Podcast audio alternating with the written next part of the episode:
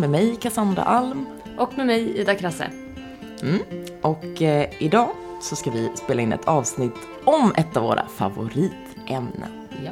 Muttan, Fiffi, Snoppan, Kussimurra eller som vi tidigare i ett tidigare avsnitt har bestämt att vi i alla fall ska kalla den Fittan.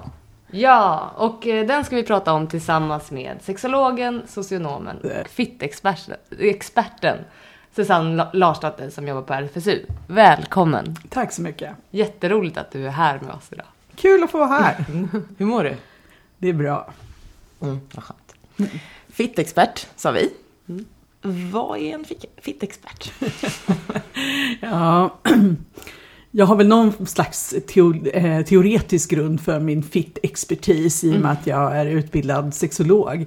Men sen har jag ägnat väldigt mycket tid till att eh, förkovra mig också på egen hand. Och det gäller egentligen ganska många olika områden. Jag är intresserad naturligtvis medicinskt, anatomiskt, hur fittan är uppbyggd och hur den fungerar. Men jag har också int- intresserat mig ganska mycket idéhistoriskt. Hur ser synen på fittan ut i i kulturen? Vad, vad finns det för eh, konstnärliga gestaltningar? Eh, hur har man sett på fittan historiskt? Vad finns det liksom bakåt i tiden för eh, gestaltningar, föreställningar eh, om fittan? Så att jag måste säga att jag har ett ganska mm, tvärvetenskapligt intresse av fittan. Mm. Och även lite praktiskt. Så mycket intressant allting du sa. Precis, även praktiskt. Men eh, när du, eh, när man pratar om fittan, liksom, är folk, eh, kan folk saker om fittan? Alltså det varierar ganska mycket men, men någonting generellt skulle jag vilja säga så finns det en hel del okunskap om fittan.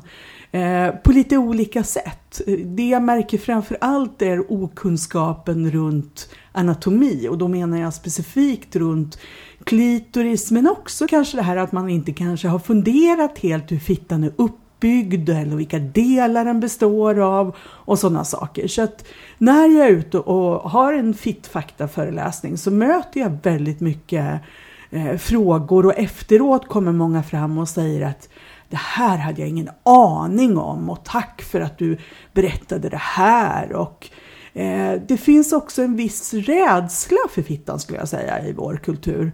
Ehm, och framför allt kanske från fittbärare själv. Att, att jag möter en del som säger att nej usch det är så köttigt eller nej där vill jag inte vara eller att man kanske inte ens har tagit en spegel och tittat efter hur man själv ser ut och då blir det också mer eh, problematiskt och svårt att, att liksom känna igen en fitta och känna igen sin egen fitta och som jag också tror som någon slags hypotes att det kanske till och med blir svårare att, att njuta sexuellt om du inte kan vägleda en partner heller om vad som är skönt och vad som är mindre skönt. Alltså om du inte vet själv liksom. Nej, precis. Vad Alltså, tror du att det beror på då?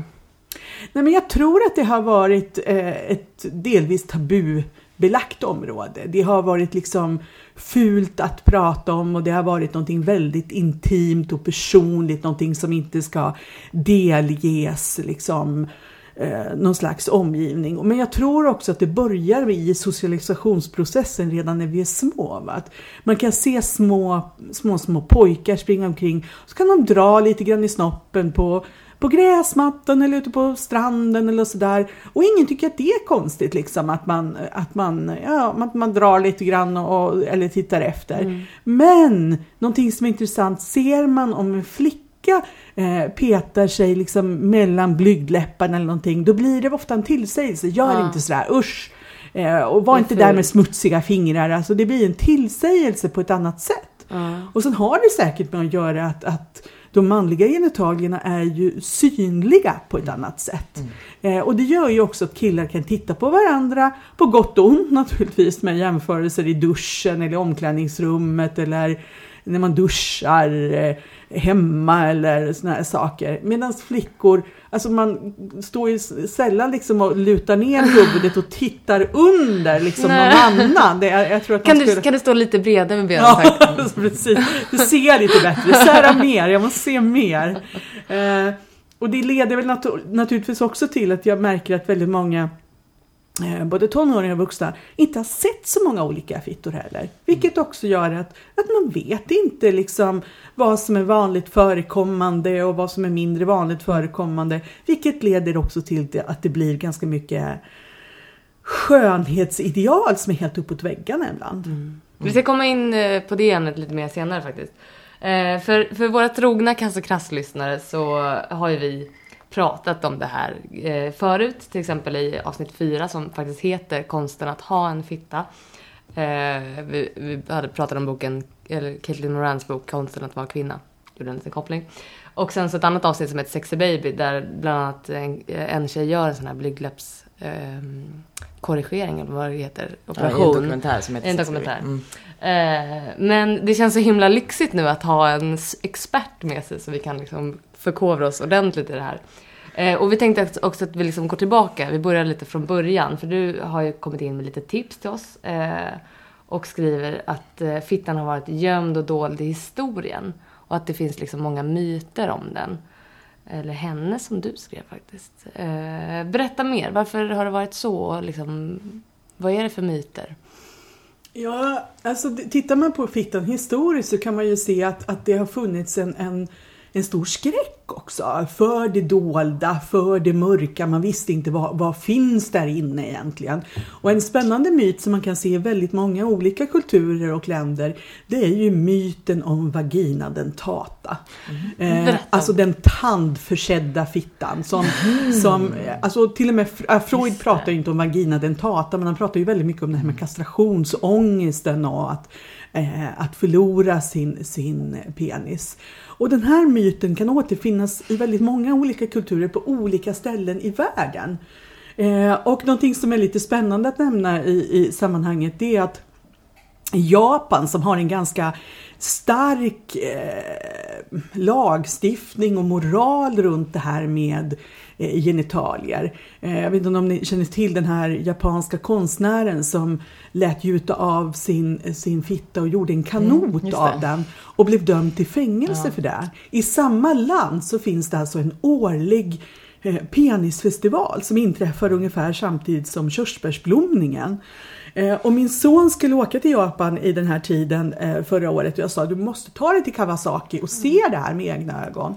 Eh, och den här penisfestivalen handlar om att man rider på stora penisar, man går med stora penisar genom liksom i någon slags eh, tåg genom staden. Eh, man kan köpa penisformade glassar och han köpte någon liten så här visselpipa hem till mig och sådär. Men hela eh, den här festivalen är alltså att fira eh, att en man lyckades eh, ta bort tänderna och det här gapet hos, i fittan hos den här kvinnan. Så att det man firar fortfarande idag är alltså att han lyckades avväpna den här kvinnans fitta. Men den här myten finns också i Indien och i andra ställen eh, i världen. Och sen vet jag inte om ni har sett den här filmen som kom för, jag vet inte, ett antal år sedan, Teeth. Nej. Det är ju en populär eh, film som jag, jag vet inte hur gammal den kan vara, fem, tio år kanske högst. Eh, det är alltså en, en story om en tjej som alltså har en tandförsedd... Jo, jag, ja, du har sett den? Nej, jag har inte sett den, men jag, jag känner igen den. Ja, mm. Som har en tandförsedd fitta. Eh, och det spännande är att hon kan alltså ha vaginala samlag med schyssta killar. Men de killarna som ja, försöker förgripa sig på henne eller någonting, där hugger fittan till liksom. Eh, och det gör ju att det också kommit en del produkter i eh, i eh, spåret av den här. Jag vet inte om ni har hört talas om de här tampongerna som är eh, som ska vara liksom rape Ja, men just det. Eh, mm. kommer inte ihåg vad de mm. heter nu, men som är liksom hullingförsedda på något sätt. Så mm. skulle någon försöka att våldta någon så, så kommer de alltså in eh, och tar de här hull, eller kommer åt de här hullingarna. Liksom. Så att, eh, och det är ju också någon slags vagina dentata uppföljning. Det, det nämns ofta i de här sammanhangen med vagina dentata. Mm. Sen tror jag väl kanske idag inte att man är direkt för att det ska liksom eh, direkt rädd för att hung, eh, tänderna ska hugga. Men jag, jag, kan tänka mig att den här ja, men ändå stoppa in en väldigt känslig kroppsdel någonstans och jag vet inte vad som finns Nej, där. just det. Nu ska vi inte spä på mäns kastrationsångest här men Men att det är någonting farligt liksom som Ja. man eh, ska vara lite, lite rädd för. Vad tror du liksom syftet, ja, precis, vad, vad kan syftet ha varit till att en sån myt grundades liksom? Ja, det, kan man, det är ju jätteintressant att fråga sig, men jag, jag tycker att det, det spännande i den här mytbildningen, det är ju att fittan är farlig, för den har ju liksom gjorts ofarlig skulle jag vilja säga. Vi har ju tagit bort det här farliga i den och det har blivit, mest blivit någonting som är lite äckligt. Så att, alltså, jag tycker väl inte att vi ska vara rädda för fittan, men liksom lite mer respekt skulle faktiskt inte skada. Nej, Det kanske får lite mer status om den är farlig än äcklig. Liksom. Ja, ja precis. Lite, lite så tänker jag. Men, men det är naturligtvis att, eh, att i, förr när man inte hade samma anatomiska kunskap och man visste liksom inte, eh, jag menar det har ju funnits föreställningar om att, att det inte fanns något stopp, liksom det här med livmodermunnen och alltihopa. Ja men vart kom man någonstans och, och vad kunde egentligen hända? Och de här rädslorna finns ju också kvar tänker jag. På ett, på ett sätt när, när människor är rädda till exempel för att ha vaginala samlag vid, när man är gravid. Tänk om barnet störs av det här. Alltså det finns fortfarande rädslor just därför att, att det ses som någonting mörkt och outforskat. Fast man egentligen med ett spekulum och en ficklampa ganska lätt kan utforska de här eh, dolda rummen. Men ja, Mm. Alltså vi kommer in mer på sen hur liksom anatomin och sådär. Men eh, trots att eh, jag tycker att jag liksom är en person som mm, Ja, alltså jag kan sitta här och prata om det här och t- upplever att jag är liksom ganska Ja, vad, Påläst eller? Ja, och liksom inte mm, tycker att, så vi, att vi absolut ska prata om sånt där. Ändå så jag, märker jag hur jag inte vet liksom, saker om hur man ser ut. Och, och, och speciellt om liksom, hur, hur andra ser ut. Alltså Precis. att det är... precis. Och, och typ mycket om, ganska nyligen så pratade vi några stycken om så här, men hur är det att vara typ för en kille som har sex med en tjej, kän, känns det olika att ha sex med olika, för att vara tjej och ha sex med en kille, det känns ju olika. Mm. Men är det olika för killar också eller är det alltid samma? Det, man har ingen koll liksom på den, Nej. Mm. eller en har ingen koll, eller jag har ingen koll i alla fall. Trots att jag tycker att jag har läst på och försöker veta. Precis, och det är också lite spännande, man kanske inte pratar Nej. alltid med, om de här sakerna, inte ens med sina närmaste vänner eller sin partner eller någonting. Så, så de här riktigt djupgående frågorna, det liksom finns inte riktigt i att det skulle vara pratbart. Nej, det är inte så att man direkt väljer bort det, men det finns liksom inte inom det pratbara helt Nej. enkelt. Nej precis, man tror inte att det är något som, det är väldigt onaturligt typ Ja. att prata om det. Ja, eller väldigt, väldigt intimt. Alltså, och, och liksom lite skämmigt kanske också för att så här, ja men är det, är det bara jag som tänker så här? Alltså du, att, Ja men precis, och det tycker jag är tråkigt att liksom eh, att det kan vara så som, som det här med att dela onanitekniker med varandra och då menar jag kanske inte praktiskt. Det är väl också helt okej men, men bara så här, hur brukar du göra när du onanerar? Och eh, det kan man ju, vågar jag inte riktigt ställa till, till alla människor jag möter därför att det, det känns också som en sån intim fråga men det är ju samtidigt en väldigt teknisk fråga. Hur, hur går man tillväga på något sätt? Men då måste man ju också först naturligtvis bejaka att man onanerar vilket Mm. inte heller idag är någonting som är helt random att prata om. Nej. Men upplever du eh, liksom att killar pratar mer om sådana saker med varandra? Ja, det där är lite olika måste jag säga. Att, att, eh, jag tycker kanske killar kan ha, har generellt om man, om man eh, pratar väldigt i väldigt generella termer så kanske det finns en större öppenhet för att säga att Nej, men nu ska jag gå och runka. Liksom. Men, men att verkligen utbyta olika onanitekniker eller hur gör du, drar du förhuden helt fram och tillbaka. eller Så här. Där tror jag också att det går någon slags gräns. Alltså, eh, jag skulle vilja säga att utifrån mina erfarenheter att prata med killar så liksom att man runkar och eh, verkar vara en viss större öppenhet inför. Och att just prata om runka, det är ju inte en slump heller att ordet klittra kom som en, en reaktion mot att liksom killar hade det här självklara ordet runka. Och då kände man att tjejer behöver också ha ett lika självklart eh, ord. Samtidigt som ja, det, det, alla tyckte inte det var positivt heller utan ville att man skulle ha ett mer könsneutralt ord. Och det, det kan jag också förstå. Men liksom, Man väljer ju det ord man vill. Men huvudsaken är ju att alla eller liksom. Ja, men att alla ändå har ett ord att förhålla sig till. Ha- Hur, hur har det genomslaget varit förresten med klittra? Alltså det har ju varit ett fantastiskt genomslag vad gäller klittra och det, det mest spännande tycker jag det är ju att det är så mycket utländsk media som har fångat upp det här. För att eh, om det i Sverige kanske, ja, det fick ett väldigt starkt genomslag och media började redan eh, ja, en kort tid efter att det lanserat börja ta upp det och beskriva det. Det började komma i tidningsartiklar som liksom inte handlade om ordet utan just handlade om fenomenet. En av de roligaste artiklarna som jag läste det var i någon tidning där en eh, kvinna som hade kört en eh, någon slags liten bil, buss där hade krockat för att hon samtidigt satt och klittrade. eh, och det var ju lite roligt sammanhanget tycker jag. Att, att det gav, ja, nu vill jag ju verkligen säga att det inte är så bra att klittra och köra bil samtidigt men, men det var Don't Det var- klittra and drive.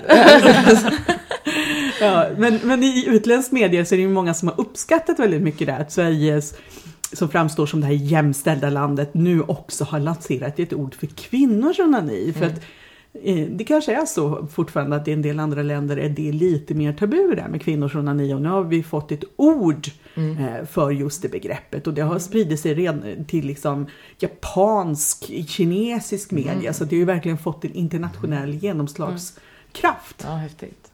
Och det, Ja. dessutom är det ju med i nyordlistan för i år då. Ja, ah, ja. det är det ju. Just det. Men och precis som du sa, att det är bara att, eh, för man tänker tillbaka på när jag var tonåring så här, det fanns, det, det var ju inget någon, pratade om. Alltså man prat, det var typ mer att man pratade om att killar gjorde det.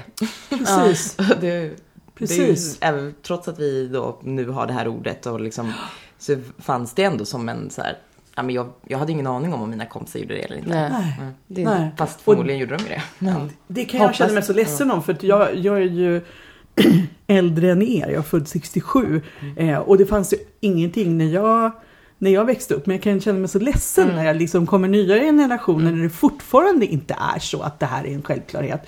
Eh, Mm. ja. nej, förhoppningsvis så kan mm, liksom bara ett, det kommer ett sånt ord förändra det lite grann. Men också att vi, att vi pratar om det och, och att eh, om en själv får barn eller döttrar att, att prata om det som en naturlig sak också. Gentemot Precis. dem. Och det tänker jag också när vi pratar om barn.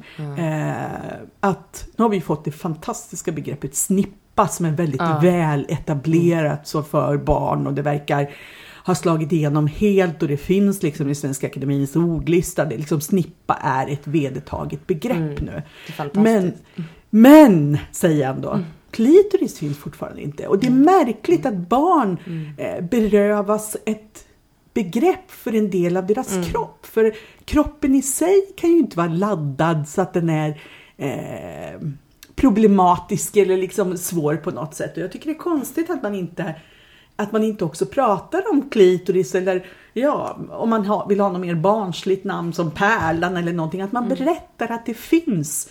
Eh, och i samband med det kan jag berätta en liten anekdot som mina syskonbarn, för hon, eh, en av mina syskonbarn kom till min syster och, och, och sa så här, mamma, mamma, jag hittade en jätteliten snopp i min snippa. Och syrran sa, nej men du förstår att det är ingen snopp, det är klitoris som du har hittat. Och hon bara konstaterade, ha, har du pratat med moster nu igen då? För att jag är känd som fittexperten även i släkten. Ja men vad fint att det var Ja, och det är liksom, barn Ja. upptäcker ju sina egna Ja. kroppar, Ja. bara de får tillgång till det och känner ju att ja, men där sitter det ju också Ja. någonting. Och varför ska vi inte kunna benämna det också? Precis. Mm.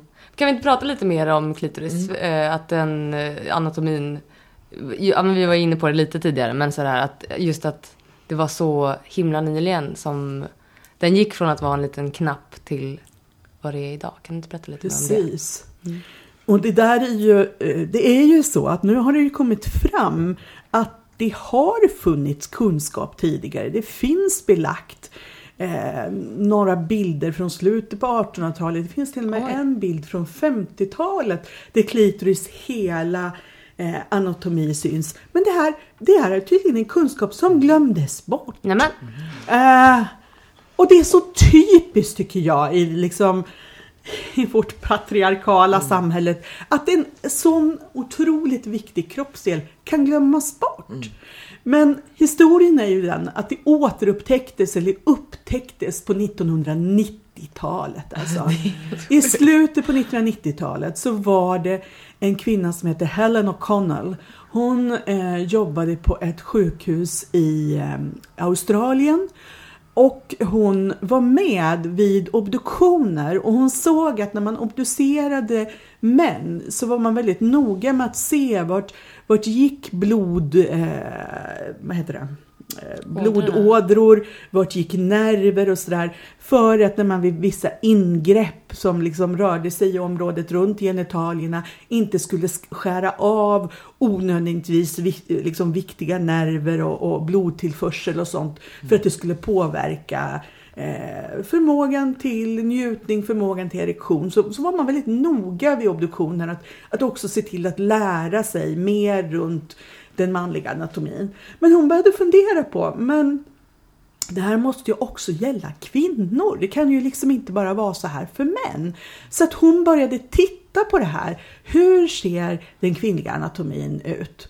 Mm. Och då upptäckte hon ju att det här som då hade beskrivits i en rad framstående anatomiböcker, i biologiböcker, ja överallt. Jag, jag har tittat tillbaka till en hel del eh, både skolböcker och eh, andra anatomiböcker och det beskrivs ju klitoris som någon centimeter lång eller som en liten, som en liten knapp eller någonting. Och då upptäckte hon att klitoris var 8 till 10 centimeter lång. Mm. Och att den gick in som ett sånt här lyckoben när man är kyckling. Liksom så här. En, först är det en, ett skaft och sen går den då ut i två olika skänklar. Och så finns det då också dessutom två olika klyftor från mm. det här skaftet.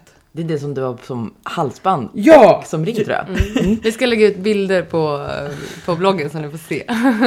Fina silvergrejer det här fick naturligtvis jättestora konsekvenser för när man gjorde ingrepp i, eh, och inte bara liksom genitala ingrepp, utan när du liksom gjorde ingrepp i nedre delen av magen och i andra områden så kan du ju alltså komma åt de här nerverna. Mm. Och hon visade ju också att det gick nerver från klitoris ända ut på insidan av låren. Så att sitter du där hemma och har en klitoris och klämmer på insidan ganska högt upp på de inre låren. Om du klämmer där så kan du alltså känna där åkte liksom hissen upp. Alltså att du kan få en förnimmelse i klitoris genom att klämma lite hårt på insidan av låren ganska högt upp. Mm. Liksom. Så kan du alltså känna, och det är helt fantastiskt hur kroppen är skapad. Att du kan mm. klämma på insidan av låren och få en känsla i klitoris. Och det mm. handlar ju liksom om att nerverna går ut. Det finns jättemycket nerver som går ut därifrån. Men det här innebär ju också att, att eh, det finns ju många fler sätt att stimulera klitoris på. För att tar du tag i klitoris, om du tar till, liksom, till exempel mellan tummen och pekfingret och tar tag i klitoris så känner du ju att ja, men det är, du känner ju skaftet liksom, mm. som sitter inuti kroppen. Mm. Det, det, är ju liksom ollonet och en liten, liten del av klitoris är ju den synliga delen. Sen finns det ju då också en förhud eller en huva på klitoris. Mm. Men tar du tag liksom eh, runt klitoris där så känner du ju att nej men, oj, det finns ju ett skaft mm. in här också. Och den det, lilla snoppen som, det, som det, flickan kände. Snoppen, precis. Och det här skaftet kan du ju runka av på samma sätt som du runkar av en kuk. Mm. Alltså du för förhuden fram och tillbaka. Mm.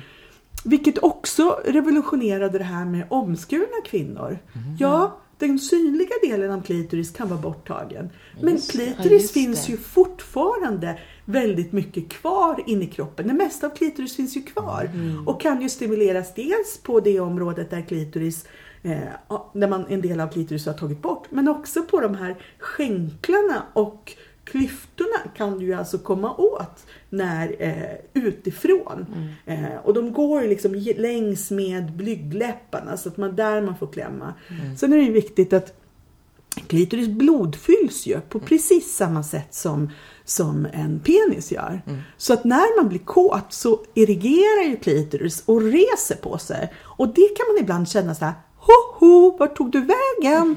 För när klitoris reser sig så kan den liksom bäddas in lite grann i eh, slemhinnorna där och kan vara lite svårupptäckt. Men det är ju bara att liksom leta sig in där lite grann så, så hittar man klitoris igen. Men det är också där, ja, men, okunskapen om kroppen. Hur ser klitoris ut när den är avslappnad, icke erigerad och hur ser klitoris ut när den är erigerad och verkligen är styv. Finns det fin, liksom i, i läroböcker som görs idag, är det... mm, Nej, är det... Det finns inte, alltså det finns nu har inte jag tittat i alla nyare, men jag, alltså jag saknar fortfarande, jag har granskat några biologiböcker för eh, olika läromedelsförlag. Och i de böckerna har jag alltid sagt, stoppa in någonting runt klitoris också, för det finns inte. Nej, för Alltså- en erigerad penis är väl Ja, som... det finns ju oftast, eller det beskrivs åtminstone i text om det inte finns en bild. Men det här med klitoriserektion eller bara blygdläpparnas erektion. Eh, därför att en ganska vanlig fråga är så här, men jag kommer ihåg när jag föreläste för en, en skolklass. Eller inte en klass, det var en hel, en hel skola, vi var i aulan. Och så räcker en kille upp handen bland de här och så säger han och då hade jag egentligen pratat om sexuellt våld och, och sa det är jätteviktigt att inte ha sex med någon som, som inte är ordentligt upphetsad därför att då kan man få eh, problem och smärtor och sådär. Och då räckte han upp handen och så frågade han Ja men hur fan ska man kunna se på en tjej om hon är kåt eller inte då? Och då tänkte jag så här, nej stackarn, nu kommer alla skratta åt honom. Liksom så här. Men ingen skrattade utan alla bara så här, ja det var en intressant fråga och väntade på svaret. Och jag tror, eh, eller jag skulle till och med säga att jag vet, att fortfarande så finns inte den här kunskapen fullt ut. Och därför har jag ett jättebra tips. Att man kan ta sin egen mobilkamera och ta ett kort när man är naken och helt avslappnad. Och sen ska man passa på att ta ett, ett kort när man är väldigt upphetsad. Så man också ser skillnaden på sin egen fitta. Och man kan verkligen se liksom blygdläpparna har svullnat och de brukar vara lite glansiga för eh, man lubricerar mer, man blir mer våt. Blyg, både de inre och de yttre, yttre blygdläpparna är liksom mycket mer massiva. Och man kan också, beroende lite grann på hur man är skapt, också se klitoris eh, styv och lite större och hårdare. Eh, och, eller ibland så känns det, ser det ut liksom bara utifrån som den har försvunnit in lite grann. Men det där är en kunskap som inte finns. Nej, och inte bara, att- alltså, Inte bara bland en skolungdomar, Ung, nej. ung kille, inte bara bland dem, nej, utan vuxna tror inte jag heller vet om det. Men- Och har man då och för, kvinnor förmånen att dessutom eh, ha sex med en kvinna oavsett om man är man eller kvinna Mm. så kan man ju faktiskt få be att få titta. Ja. Men det där är också många tjejer säger nej, nej, jag vill inte att du tittar, jag vill att det ska vara mörkt. Man har ganska mycket skam för sin egen fitta för att den kanske inte ser ut som man tänker att den ska göra. Medan jag, jag tänker att man skulle vara jättestolt. Ja, tittar du på det här fantastiska eh, organet jag har? Mm. Njut av hennes skönhet liksom. Ja. Får börja med det. ja, det är inte så... Får erkänna att man blir lite, eller jag blir lite rodnad här. Men det är väldigt roligt, det är väldigt roligt att prata om det här. Vi, vi har en annan sak som vi har pratat om i tidigare avsnitt, eh, lite på tal om anatomi och eh, myter. Eh, och det är den här G-punkten som pratades om lite, var det i höstas eller våras som det kom upp igen? Eh, var för ett år sedan typ. Ja, det kanske är så länge. Eh, berätta om den. Är det en myt? Ja, att det skulle vara en specifik, specifik punkt, det, det är det inte. Det finns inte en specifik punkt. Men det finns ett område på insidan eh, på slidan, ungefär kanske en 4-6 centimeter upp, ja, kanske, ja, eller kanske mer 4 centimeter upp på insidan. Jag brukar säga fyra trappor upp och fönster åt gatan brukar jag säga. Så för det är liksom mot magen. Där finns ett område eh, som inte är en punkt. Men det finns ett område där som där du kommer åt klitoris. Du kommer åt svällkroppsvävnaden runt urinröret. Och du kommer åt eh, bäckenbottenmuskulaturen. Och alla de här delarna eh, har eh, nervändar som kan stimuleras och den här svällkropps eh, svällkroppsvävnaden som finns runt urinröret, den finns också i, i eh, penis. Så att vi ser väldigt olika ut egentligen, eh, oavsett om vi är född med en penis eller en, en fitta. Ehm, och, så att det här området kan stimuleras. Eh, och det gör då att det kan kännas skönare. Mm. Men det är ett ganska missvisande begrepp med G-punkten. Mm. För att, eh, och så när vi skapar lite olika, vi har lite olika variationer och det gör ju också att vi, vi anatomiskt kan, inte ser identiskt lika ut och det kanske inte känns på riktigt samma sätt heller. Men visst finns det ett område inuti slidan som är skönare att beröra. Men det finns liksom ingen specifik punkt. Och ehm, men det finns ju också, finns också andra områden i slidan. Man brukar prata om en A-punkt som heter Anteriox eh, punkten som sitter mycket längre in, nästan vid kanten av eh, livmoderhalsmunnen. Men det är ju också sådär, alltså att tro att alla njuter av samma sak. Eh, Jag brukar säga så att stirra inte blind på någon teknisk lösning utan gå istället en fantastisk rundvandring och känns vad, känn vad det känns skönt. Känns det här skönt? Är det här skönt? Liksom vandra runt och upptäck vad, vad liksom just du tycker att det är skönt. Eh, och prova eh, att stimulera det här området. Eh, Tycker man att det är skönt och känns häftigt, ja men gör det då. Känns det inte skönt, nej men skit i det för helsike.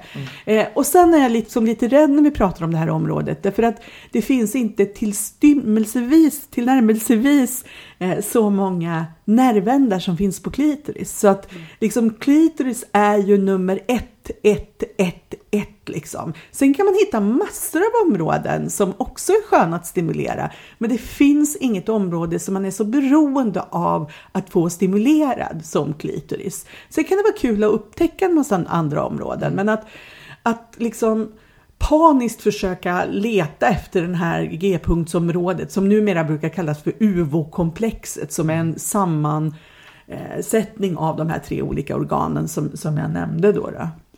Men, men visst finns det ett område, men, men det finns ingen punkt. Nej. Men jag kan också, som du säger, att mm, liksom, man ska inte stirra sig blind på att leta efter sådana områden.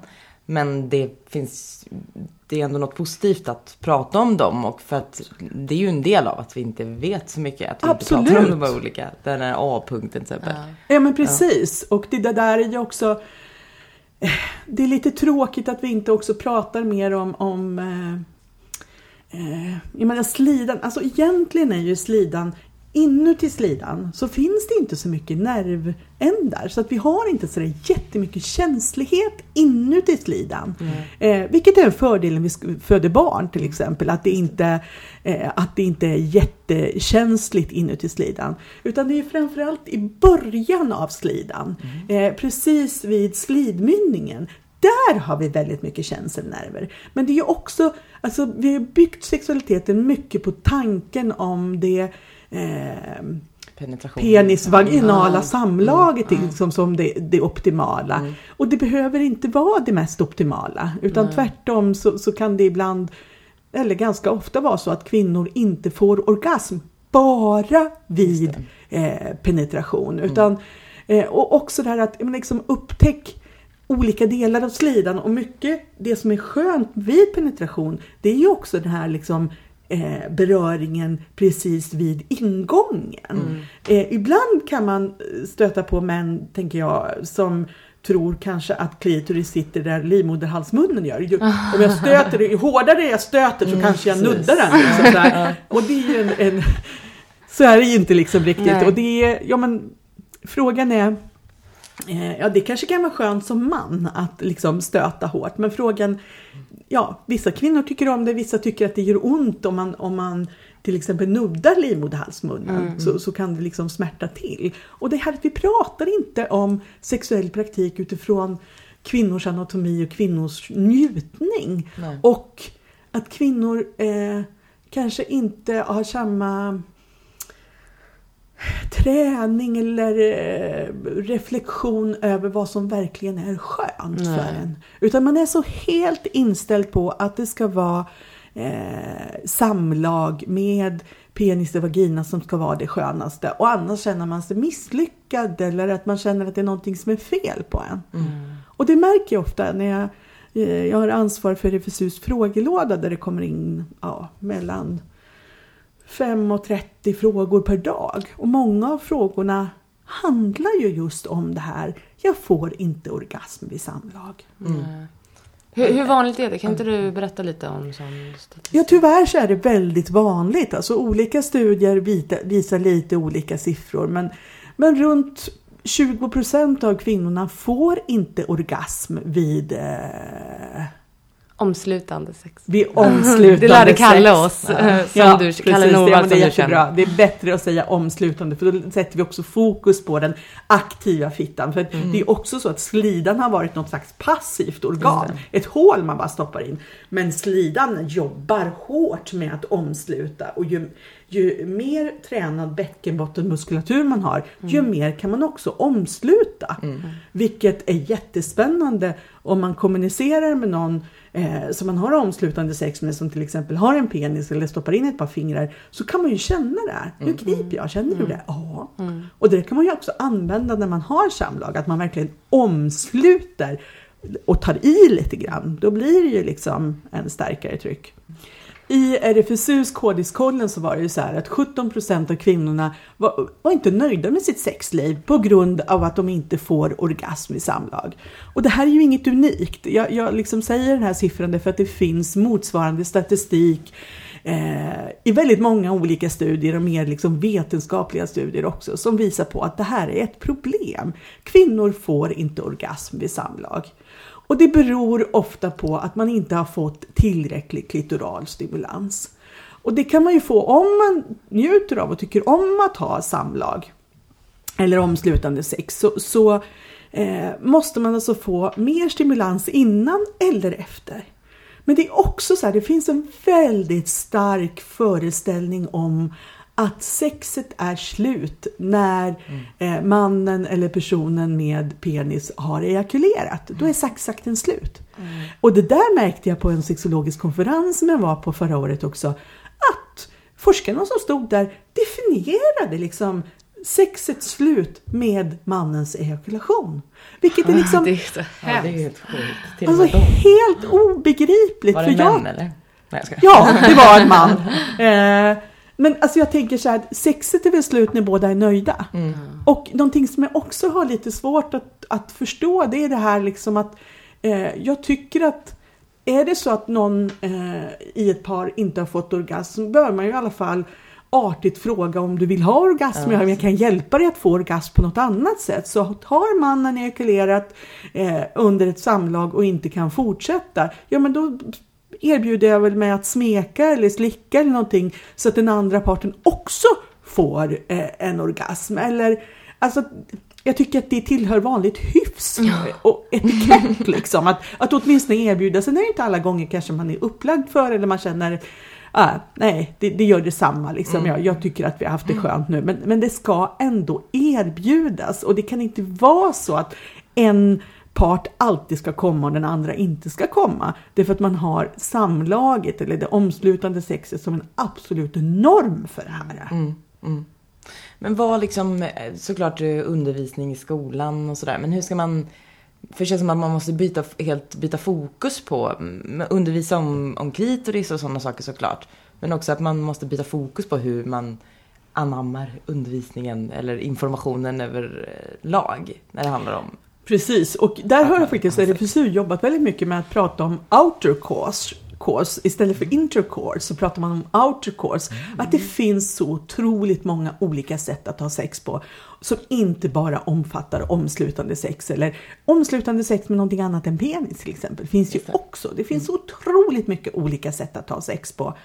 Eh, och det vi vet är att de flesta kvinnor behöver klitoral stimulans för att uppnå orgasm. Och sen är det ju så att de här eh, de här eh, klyftorna och skaften på klitoris, de omsluter ju också själva slidan. Så att även om du har liksom eh, omslutande sex så eh, omslut, du kan ju få klitoral stimulans också vid eh, omslutande sex. Men ofta så räcker inte det utan du måste också ha direkt klitoral stimulans. Och det gör ju att eh, man behöver mer stimulans direkt på klitoris. Eh, och det är eh, någonting som väldigt många kvinnor eh, får för lite av och därigenom inte uppnår samma njutning heller. Och jag kan inte låta bli att fundera på, det här är ju en, en, eh, ingenting som är vetenskapligt belagt. Men jag roade mig häromdagen med att titta på Pornhubs statistik över vad kvinnor söker på för slags av porr. Och högst eh, upp i toppen så ligger lesbiensex. Och har, har gjort så i många år. Tittar vi på vad som är eh, kvinnors vanligaste sexuella fantasier och då pratar vi också om heterosexuella kvinnor så är det lesbisk sex. Eh, och jag tror någonstans att det finns en föreställning om att där lägger man mer fokus också på eh, ömsesidig njutning eller att jag ska få orgasm, tillräcklig klitorisstimulans. Jag kan ha helt fel, men jag kan inte låta bli att fundera i de banorna. Dessutom var det mycket vanligare att kvinnor sökte på oralsex eh, än män.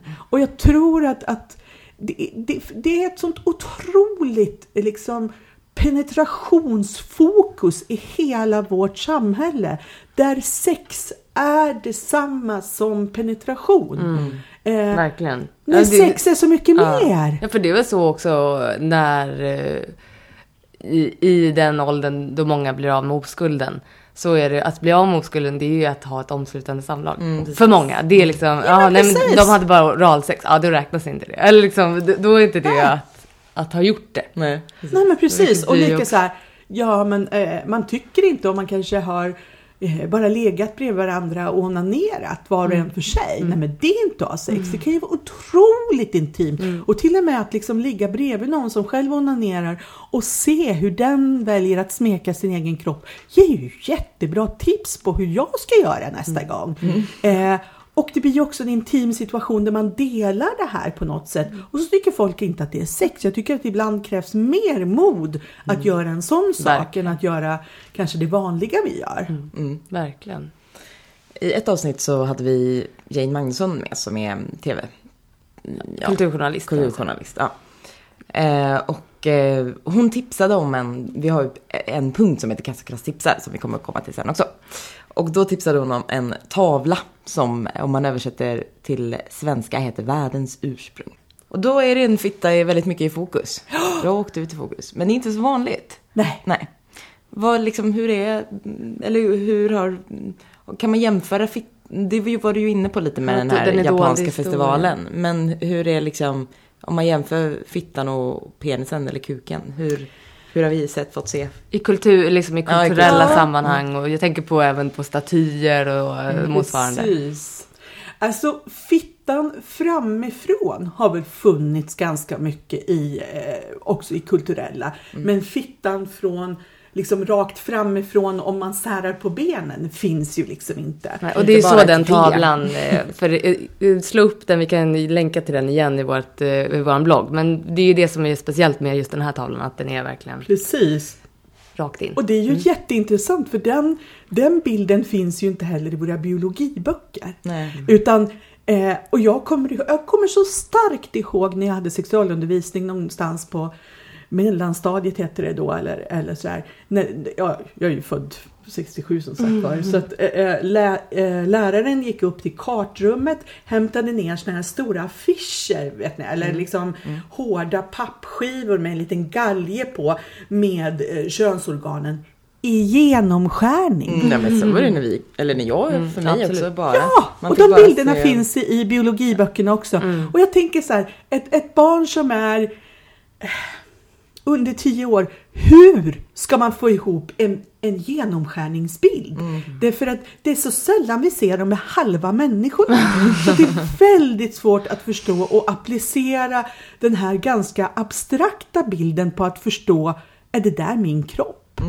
Nej men vad är vad? Och liksom det, det är fokus på de inre organen som, alltså nej jag fattade Nej. inte. Det var, alltså, det var någon slags teknisk bild som inte hade med min kropp Nej. att göra. Jag kunde inte identifiera mig med Och gärna ligger väl också en bebis i den kvinnokroppen. Ja men det gör ju det för ja. det handlar bara om fertilitet och Ja. reproduktion. Det är det som är i fokus Mm. och var i fokus då och som är väldigt mycket fokus idag. Mm. Och samtidigt så vet vi att den här bilden där vi ser fittan mitt framifrån, där vi ser blygdläppar, både de yttre och de inre, vi ser klitoris, vi ser slidan, vi ser eh, urinröret. Det är, de bilder, det är den bilden människor fortfarande idag inte har. Man, alltså, det är ju jätteintressant när man lä- lägger fram eller ber att någon ska rita den här bilden av fittan och de har ingen aning om hur det ser ut. Alltså jag var med om en händelse för några år sedan där, där jag hade bjudit hem ett gäng tjejer till mig och vi satt och spelade ett spel eh, och där en av, av tjejerna då utbrister så här. "Ja, Men herregud, har vi tre hål? Hon trodde att hon kissade genom eh, slidan. Och jag tänker så att, ja, och det var liksom ingen dum tjej, men det var säkert en tjej som, som inte hade tittat efter, inte hade så mycket liksom anatomisk kunskap. Och jag tänker, hur kan 40-åriga kvinnor fortfarande få leva och inte ha en bild av det här? Och det är just det jag menar, att den bilden är, finns inte i kulturen. Nej. Den finns inte. Samtidigt som jag ska säga att jag i stora konstverk som konstnärer av Zorn eller andra, ja då syns ju liksom eh, Venusberget syns, men fittan syns inte. Men Nej. Venusberget syns i kulturen. Samtidigt som i början på 2000-talet så var jag eh, kringresande mm, vad heter det, sexleksaksförsäljerska som ett sätt att lära mig att börja prata om sex. Ja. Så då åkte jag ut på den uppländska landsbygden och krängde dildos till frustrerade eh, kvinnor i eh, 40-50-årsåldern. Och med i sortimentet, man hade såna här home parties, så var man tvungen också att ha en massa såna här leksaker, alltså riktiga såna här snoppsugrör och, och liksom mm. penispasta. Men då gjorde jag en intressant spaning. Därför att det fanns penispasta och så fanns det bröstpasta. Ja. Det fanns korkar till vinflaskor med en penis eller med två bröst. Det fanns godis, såna här uh, toffee-filled eh, picky, eh, ja, penisar och så fanns det eh, chokladfyllda bröst. Alltså Mm, det, det fanns motsvara- inte en enda fitta så långt ögat det nådde i hela sortimentet. Utan det var penisar och bröst. Och då tog jag och ringde upp en av de här fabrikanterna som, som så, sålde Jelly Willis och frågade eh, varför har ni liksom inga jelly cunts eller, eller liksom chokladfittor i ert sortiment? Och jag glömmer aldrig vad mannen på andra sidan svarade. Nej, sa han. Vem skulle vilja äta en sån? Och det är också bilden av den här smutsiga fittan, fittan som luktar fiskaffär, som är äcklig liksom. Vem skulle vilja äta en, en fitta? Nu, nu har det ju börjat komma mer sådana former, men går du in på de här traditionella gamla sexleksaksaffärerna så finns det här bröst, penis, eh, Ja. motsvarigheten Men fortfarande. också i, jag fick ju en present av dig för ett tag sedan. Ja. Jo, precis. Vi, för vi var ju i... Det började med att du hade gjort en, span, en likadan spaning. Du var i en museishop, var det inte så? Och där, i den fanns det the big, the big Book of Penises. Eller av, ja, vad det nu heter. Liksom Ja. stora snoppboken. Där det är liksom jättegrafiska bilder på manliga könsorgan.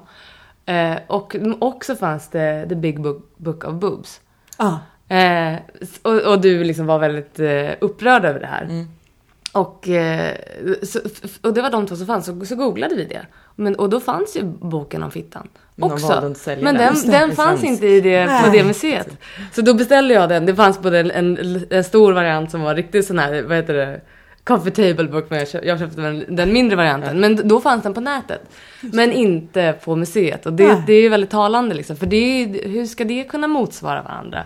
Tuttar och snoppar liksom. Nej men eller hur? precis. Va? Liksom, och, och, och när det väl finns eh, fittor i kulturen så är det liksom Venusberget det Ja, syns, rakt- det är inte de andra. Jag märkte däremot vid en Zorn-bild eh, som hittills inte hade ställts ut men som ställdes ut i en speciell konstutställning. Då stack de eh, inre blygdläpparna ut lite grann. Men det var ju väldigt symptomatiskt att den här bilden inte Mm, hade ställts ut tidigare. Och då var det ändå Zorn. Jag menar Zorn dog 1920 och det här var en konstutställning för några år sedan när man ställde ut den här bilden. Men då kunde man skymta de inre blygdläpparna som stod ut.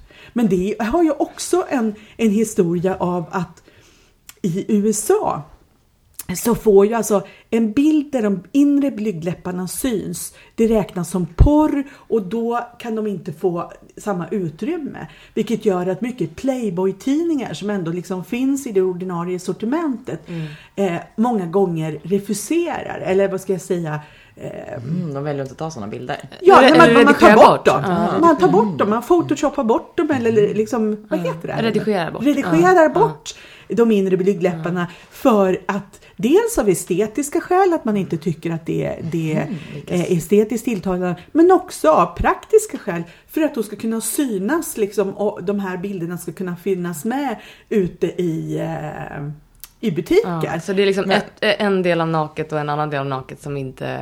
Som en är okej som- och en är inte Ja, okej. en är inte okej. Och det är också väldigt intressant för där har vi ju liksom ingen motsvarighet. Jag menar, tänk om det var så att omskurna män inte fick synas för ollonet stack fram eller liksom något annat så här vansinnigt påhitt. Mm. Men, men det är liksom så att vi märker ju att fittan har en annan sprängkraft Mm. idag än än annars. Och man, media är också mycket, mycket räddare att ta in de här bilderna på och skolböckerna gör det fortfarande inte. Nej. Inte ens en tecknad bild där man kan få den här kunskapen finns i någon större utsträckning. Nej. Vilket är helt otroligt, för det är det vi ser när vi tittar efter. Ja. Och det var, ju, det var ju också en grej på Facebook för bara, ja men det var något år sedan.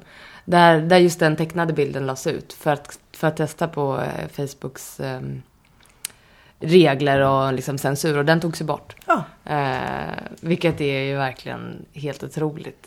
Och, eh, och samma sak kan man ju säga med, om konsten, för det, det börjar väl gå framåt någorlunda.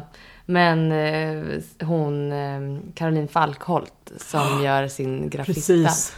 Den blir ju censurerad till höger och vänster. Det där är ju jätteintressant Mm. också. Hur kan det vara så att, att det väcker så otroligt starka känslor? Ja. Och jag menar, de här bilderna var ju inte minutiöst eh, gestaltade som eh, som ett fotografi utan Nej. det var ju verkligen en konstnärlig tolkning. Ja. Samtidigt som hon ändå har vinnlagt sig om att visa eh, många gånger liksom blygdläppar och det här så att man ändå får en uppfattning om vad det är. Men det var ju väldigt, Väldigt grafiskt, eller liksom ändå... grafiskt, färgstarkt, konstnärligt utformat. Och jag tänker också så här, varför tar inte skolan en chans att också prata om fittans anatomi runt det här? Att prata om konst som provocerar eller liksom, varför ser man inte det här som en pedagogisk utmaning när man har möjligheten att få se det här?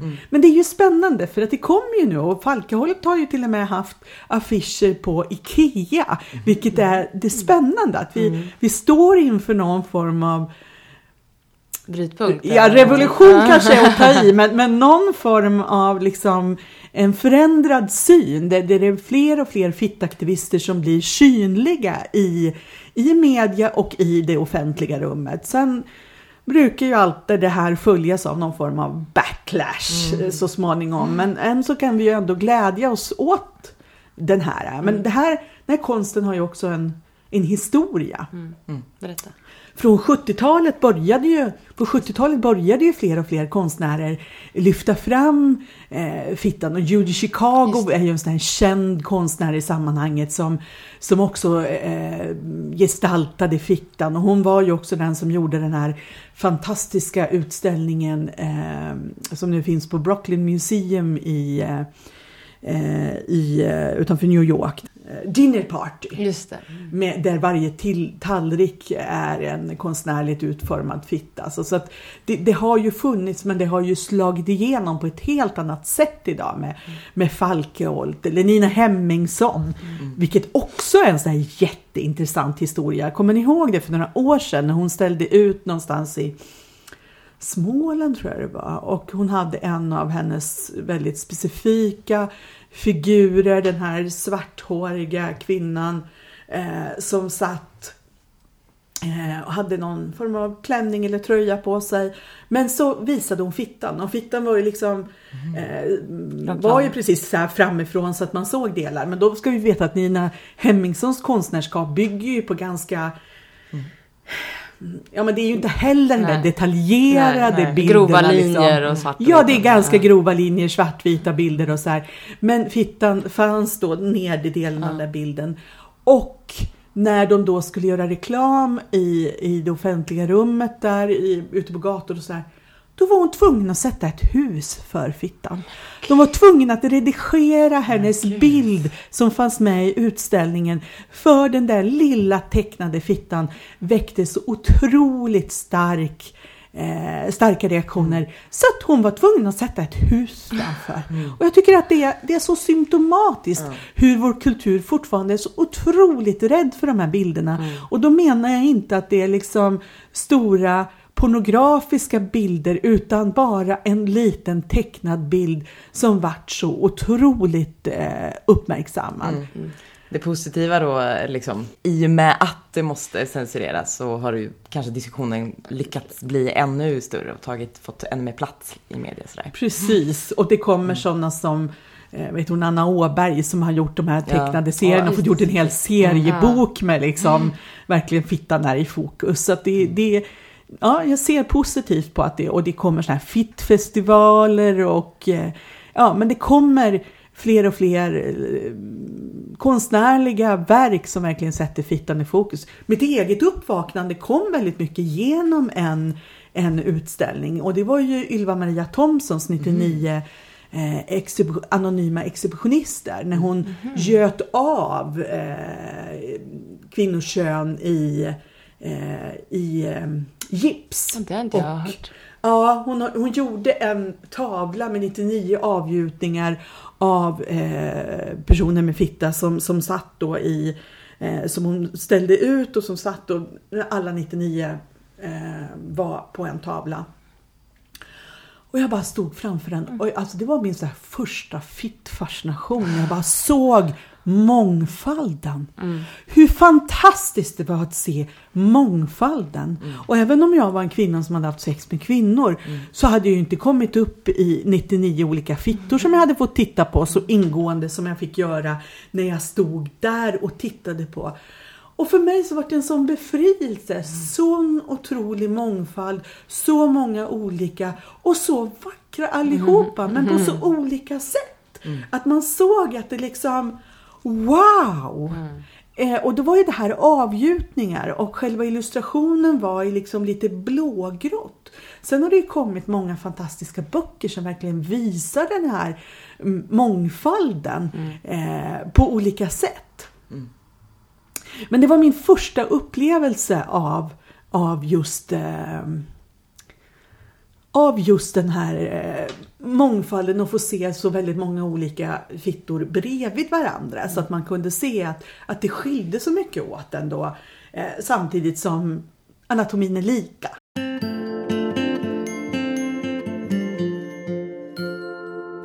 Hörni, vi stoppar där. Det var så mycket intressant att prata med om Susanne. Eller hur? Så vi har bestämt oss för att för första gången gör vi ett dubbelavsnitt av den här inspelningen. Så mer om fittan nästa gång. Tack för att ni har lyssnat. Hej då!